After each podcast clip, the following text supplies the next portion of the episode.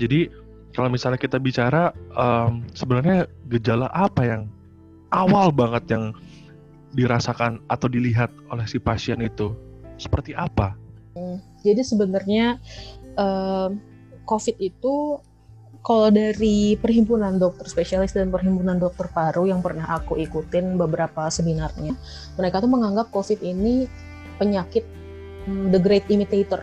Jadi dia itu banyak menyerupai bentuk-bentuk penyakit lain atau bahkan banyak sekali orang yang tuh nggak bergejala sama sekali.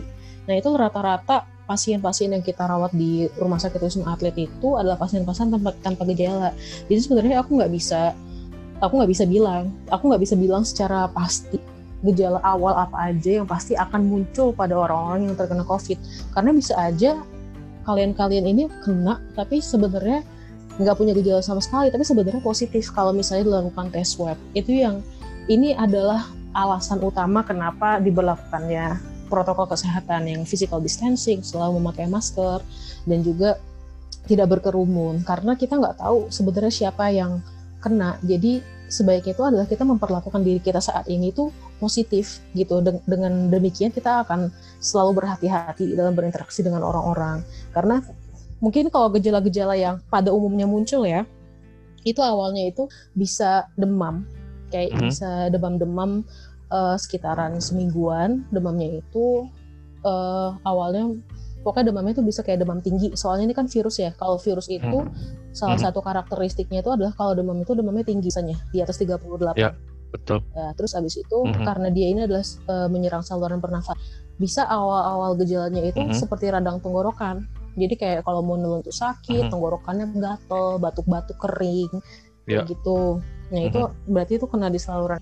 Terus juga bisa sesak nafas uh-huh. karena uh-huh. virus ini kan dia kerjaannya okay. menghancurkan bagian paru. Jadi kayak ada namanya jaringan parendum atau jaringan inti dari paru-paru itu, itu yang dihancurkan.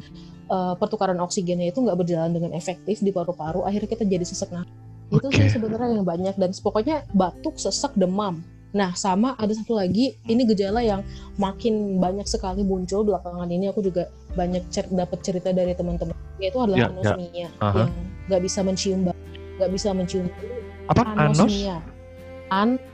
Oke, okay, oke. Okay. Ya, itu kayak hmm. uh, misalnya kita tiba-tiba jadi kayak nggak bisa nyium bau nih, nyium bau parfum udah disemprot-semprot tapi kok hmm. nggak hmm. kecium sama sekali. Terus makanan tuh jadi nggak berselera karena hmm. nggak hmm. ada rasanya, nggak kecium baunya. Itu adalah salah satu hmm. gejala juga. Oh, oh gitu hmm. sering tuh, tuh, tuh Jadi, bentar, bentar deh. Kalau gue misalnya nih Hasna hmm. di kantor nih, gue sama si Dimas nih. Si Dimas diem-diem aja, tiba-tiba bau dong. Sering deh gitu si Dimas. itu itu emang tabiat tabiat itu. Mohon maaf, kadang gue suka lupa tempat, mana teman, mana tempat kursi ya, tempat duduk. Iya. Jadi gue main masih banding, masih gitu banding Hasna. Tapi tapi itu kan hmm. kerjanya di, di, di ini ya di meja kantor ya. Kadang-kadang kita lagi diem tuh di lift, yeah. tiba-tiba bau. Bayangin loh, di lift dia kayak begitu. Bom atom. Ya kira-kira begitu dong. Bom atom. Ya kira-kira begitu dah. Tapi Hasna, jadi uh, sebelum ini gue tuh kan uh, uh, habis uh, podcast juga sama salah satu teman gue yang kena COVID dan alhamdulillah beliau sembuh. Mm-hmm. Um, jadi memang beliau menyatakan bahwa uh, penyakitnya itu seperti uh, demam biasa. Bahkan mungkin beliau bilang kayak tipes biasa gitu. Dalam artian kalau siang tuh dia sehat seger kalau udah mulai sore ke maghrib gitu sampai dengan malam dia tuh demam. Hmm. dia tuh demam dan gak enak rasanya. Dan itu keringetan banget. Dan dia memang betul sampai kehilangan indera perasanya dia jadi dia nggak bisa nggak enak mau ngapa-ngapain nggak enak gitu kan dan satu hal lagi sebenarnya yang bikin dia agak sedikit um, agak sedikit capek gitu adalah stres ternyata memang cukup bikin stres dengan pemberitaan di media, dengan banyak yang meninggal, dengan pasien yang diisolasi. Begitupun dengan uh, sering kali dia melihat uh, jenazah itu membawa, dibawa pakai kantong mayatnya itu yang warna kuning itu kan kalau untuk COVID kuning ya, yang biasa itu itu dia juga cukup stres bagi dia. Jadi um, itu juga katanya memperburuk dari uh, si COVID itu sendiri. Makanya uh, dia bilang bahwa dianjurkan kalau pagi tuh olahraga. Pagi tuh kata dia ya udah kalau misalnya pagi sampai siang dia tuh senang-senang lah pokoknya uh, istirahat aja relax dan segala macamnya gitu. Itu benarkah seperti itu? Dalam artian bukan gue mempertanyakan kembali tapi dari segi psikologis dan juga dari segi kesehatan fisiknya itu sudah terserang banget berarti ya Hasna ya Uh, iya, menurutku sih begitu. Soalnya waktu pas aku di Wisma Atlet juga sebenarnya tantangan utama para dokter di sana itu sebenarnya bukan keparahan eh, pasien-pasien yang kita Wisma Atlet itu sebenarnya boleh dibilang lebih kayak rumah karantina buat para pasien-pasien COVID yang nggak bergejala gitu. Karena untuk saat ini uh, sepertinya ICU kita belum siap untuk dibuka jadi masih kita persiapkan uh, yang kita bisa rawat itu adalah yang tidak memerlukan ICU gitu. Nah, masalah paling banyak itu adalah pasien masalah psikologis, ya, nggak bisa okay. tidur, stres, merasa yeah. Mas, takut. Jadi seperti itu. Dan yeah, kita juga yeah. di sana ada ada konsultan dokter uh, spesialis jiwa yang kalau misalnya mm -hmm. uh, pasiennya udah keluhannya itu udah udah sangat berat sekali ke dokter yeah. jiwa. Emang seperti itu. Ya, psikiater ya. Dan maksudnya secara okay. uh, teoretis secara ilmiah juga emang ada mm-hmm. hubungan antara stres dan penurunan kondisi stres itu kan ada iya, beberapa yeah, yeah. hormon-hormon yang dikeluarkan yang itu emang mensupresi apa menekan menekan melemah gitu dan dengan imun yang lemah itu kita lebih rentan terkena penyakit atau kalau misalnya kita udah punya penyakit tertentu penyakit itu bisa lebih berat uh, gejalanya ya. Oke, kalau gitu Hasna tadi lu juga sempat mention di awal dan juga di sebelum ini lu bilang bahwa lu uh, salah satu relawan dokter untuk di Wisma Atlet. Jadi setelah lu dari uh, rumah sakit uh, di Tangerang, RSUD Tangerang, uh, gimana ceritanya lu bisa pindah di uh, Wisma Atlet tuh? Oh ya oke. Okay.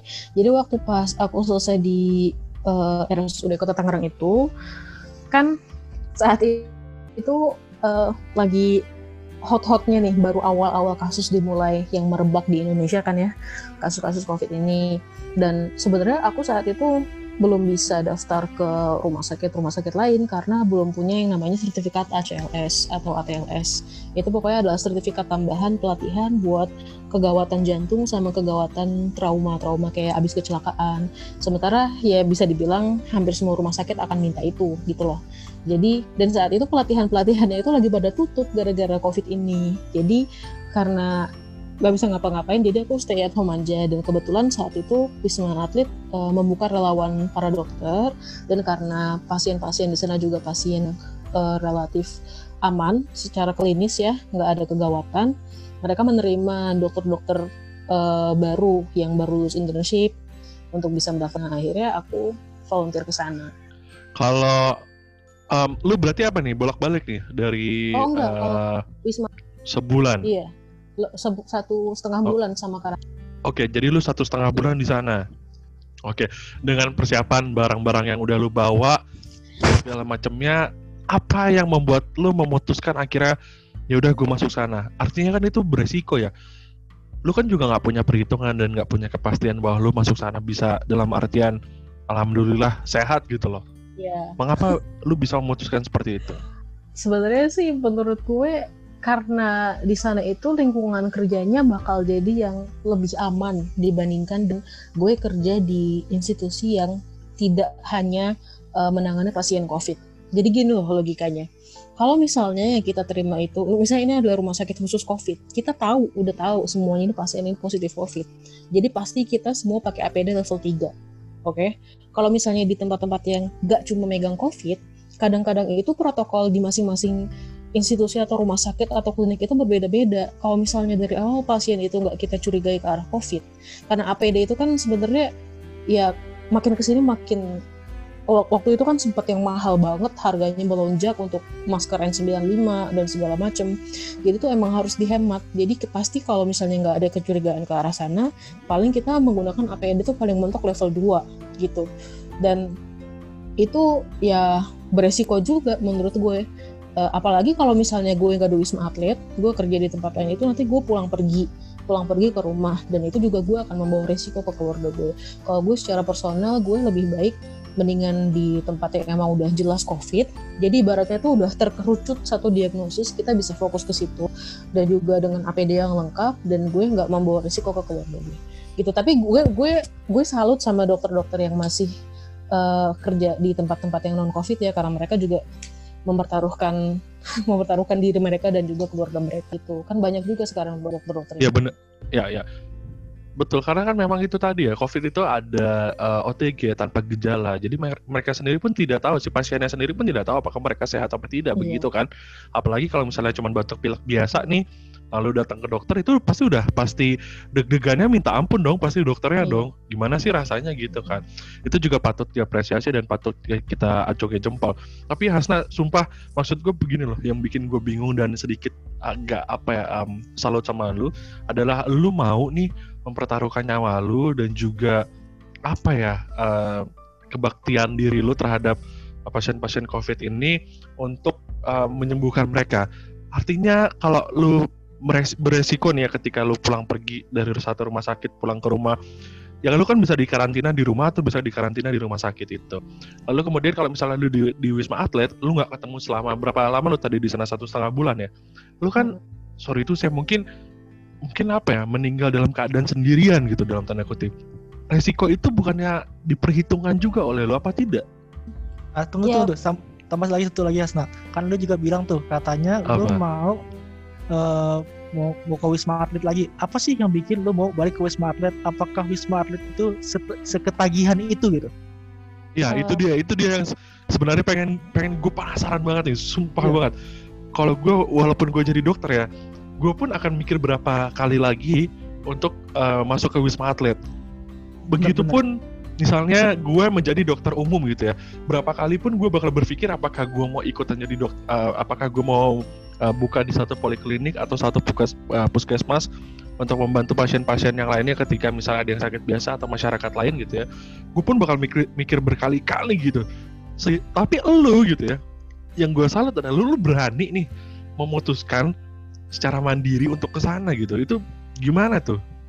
Gitu ya. Kalau menurutku sih uh, sebenarnya sih tugas di sana itu menurutku bu, mungkin ini aku berbicara dengan kondisi wisma atlet saat bulan Juli Agustus kemarin ya. Mm-hmm. itu menurutku kerjanya uh, beban kerjanya sih oke okay, lumayan berat. Tapi sama aja dengan kita kerja di tempat lain sementara tempat lain itu mungkin APD-nya itu kita nggak lengkap yang selalu level 3 gitu loh. Dan untuk saat ini juga karena aku belum punya sertifikat ACLS juga ibaratnya aku belum qualified untuk daftar kerja di rumah sakit lain jadi menurutku pribadi sih dan aku lumayan enjoy kayak gitu jadi ya ibaratnya agar terpakai juga ilmuku sebagai dokter daripada aku kan sekarang aku emang karena ada kebutuhan makanya aku pulang dulu karena sebenarnya kalau misalnya hal ini yang sedang aku siapkan dan sibukkan diri di rumah ini nggak ada aku akan tetap lanjut di sana gitu. Hmm, Oke, okay. Hasna, ketika Hasna lagi di di sana atau di Wisma tadi itu, apa sih yang Hasna lihat dari ekspresi dari orang itu orang itu? Nah, setahu kita kan ya COVID ini kan penyakit yang menakutkan ya untuk uh, tahun ini mungkin sampai tahun depan juga masih menakutkan. Nah, gimana sih ekspresi dari orang-orang yang ada di Wisma itu? Apakah mereka cemas atau mereka biasa-biasa ya. aja atau Betul. gimana gitu? Sama satu lagi sebenarnya nggak cuma ekspresi ya. Gue tuh paling seneng ketika bukan seneng ya maksud gue maksud gue gue gue pengen banget ngerasain atmosfernya dalam tanda kutip di sana tuh gimana sih? Uh, apakah memang hawanya sebegitu menegangkan sebegitu brightfulnya atau gimana gitu? Aduh gue tuh pengen banget ngerasain atmosfer gitu. Sebenarnya enggak sih. Kalau uh, oke okay, kalau pasien-pasien di sana itu ya bervariasi ya tapi sebagian besar itu pasien-pasiennya uh, terlihat happy happy aja. Ya maksudnya pasti ada kan keluhan apa mereka cemas apalagi hus uh, kita kan setelah dirawat tujuh hari di sana baru kita swab ulang lagi untuk melihat apakah udah negatif atau belum hasilnya. Pasti pasti cemas pas saat-saat itu dong. Kebanyakan sih pasien-pasien itu tingkat kecemasannya tuh akan menjadi melonjak lebih tinggi kalau misalnya mereka mereka masih positif juga setelah uh, seminggu atau dua minggu dirawat. Seperti itu. Cuman kalau yang lainnya sih sebenarnya pasien-pasiennya kan juga masih bisa nerima paket dari luar juga kadang-kadang masih bisa pesan makanan lewat ojol ada ada sistemnya sendiri kayak gitu loh untuk pengantaran paket-paket dari luar. Dan juga masih bisa olahraga kan di sana juga uh, masih bisa internetan. Dan sebenarnya sih menurutku fasilitas di sana tuh sangat lebih dari cukup ya untuk rumah karantina karena itu kan uh, bentuknya kayak semi apartemen. Jadi hmm uh, apa secara fasilitas itu nggak membuat tertekan kayak gitu. Mungkin beberapa tuh ada yang stres ya karena itu karena stigma tentang penyakit dan juga karena cemas aja kalau nanti waktu pas di swab ternyata masih positif. Tapi nah, sebenarnya sebenarnya atmosfernya sih nggak nggak semenang nggak semenakutkan atau semenegang semenegang Oke, okay, Hasna, itu kalau misal pasien COVID itu kan kalau misalnya nih berita-berita yang beredar ya, yang umum katanya itu masanya sekitar 14 hari. Tapi kok ada gitu pasien-pasien yang bisa sampai satu bulan itu kalau misalnya baca-baca di uh, media-media internasional gitu. Nah kalau di Wisma Atlet ini gimana? Apakah mereka rata-rata 14 hari udah sembuh atau gimana tuh pasien-pasien di sana? Iya, jadi emang uh, di tempat kita juga ada yang masih positif juga sampai udah sampai 20-an hari dirawat sampai oh, mau wow. sebulan dirawat. Mm-hmm. Itu uh, nanti mereka akan mendapatkan terapi khusus. Jadi kayak ditentukan sama dokter spesialis parunya kayak gitu ya. Kalau kayak gitu pasti aku sih udah udah yakin ya pasti mereka stres. Cuman ya itu kita belum bisa membebaskan mereka maksudnya uh, memulangkan pasien itu kalau misalnya di karena kan takutnya menularkan ke sekitarnya sebenarnya itu bahaya utamanya itu itu diadakannya tempat karantina di Wisma Atlet itu adalah supaya untuk mengkontain penyebaran ke masyarakat kayak gitu. Jadi emang emang ada. Jadi kayak di setiap orang itu bervariasi. Soalnya kan virusnya ini sendiri uh, kalau namanya virus itu kan dia mutasinya cepat ya. Mutasinya itu cepat, perbedaan genotipnya uh, ada mutasi sedikit itu bisa bisa menjadikan perbedaan manifestasi atau apa gejala-gejala yang dirasakan atau sistem imun setiap orang itu berbeda-beda gitu. Jadi ada yang sensitif. Buktinya kita juga tahu, kita juga uh, pasti pernah dengar cerita-cerita tentang orang-orang yang dia itu masih muda, sehat, nggak punya penyakit bawaan, tapi meninggal karena COVID ini. Jadi kita benar-benar nggak bisa memastikan. Tadi kan Hasna bilang tuh masalahnya virus ini mutasi cepat. Memang Berarti kalau misalnya kita lihat gejala yang sangat variasi ini, itu dikarenakan mutasi virus yang begitu beragam itu? Hmm, sebenarnya aku terlalu mendalami ya untuk yang hmm. hal-hal mutasi ini. Cuman uh, menurutku lebih ke genetik di setiap orangnya, genetik oh. sistem imun kita. Oh. Cuman uh, mutasi virus itu nggak bisa kita abaikan juga karena beberapa karena apa udah ada beberapa strain virus COVID yang udah diketahui sekarang. Dan uh, berdasarkan data sih beberapa ada yang emang lebih berat gitu, tapi ada juga yang mungkin soal uh, aku sebenarnya kurang tahu ya, tapi aku pernah dengar yang tentang waktu itu kan di mana? Di Italia yang parah banget itu. Yang sempat iya. kan apa lockdown satu negara itu kalau nggak salah strain di sana katanya sih lebih lebih berat uh, penyakitnya atau gimana tapi aku waktu itu belum terlalu mendalami jadi mungkin bisa di cross check lagi ya. Kan sekarang kita juga di peneliti-peneliti di seluruh dunia termasuk dokter yang kemarin aku asisten uh, sedang meneliti uh, genetiknya virus-virus ini yang ada di sini. Jadi kemarin kita udah submit ke database uh, COVID di dunia ini supaya kita mempercepat juga pengembangan vaksinnya kayak gitu. Jadi nggak serta merta adanya mutasi itu menjadikan dia lebih ganas. Bisa jadi mutasi itu malah bikin gejalanya lebih ringan gitu loh. Jadi bener-bener bener-bener bukan sesuatu yang bisa Oke, nih bukan bukan bermaksud buat balik ke game jadi masih yang di awal ya. Tapi kalau misalnya gue ngasih pertanyaan nih, misalnya andai, kan semua, andai kan saat ini Hasta punya kesempatan untuk memilih gitu, milih rumah sakit saat ini atau ke Wisma.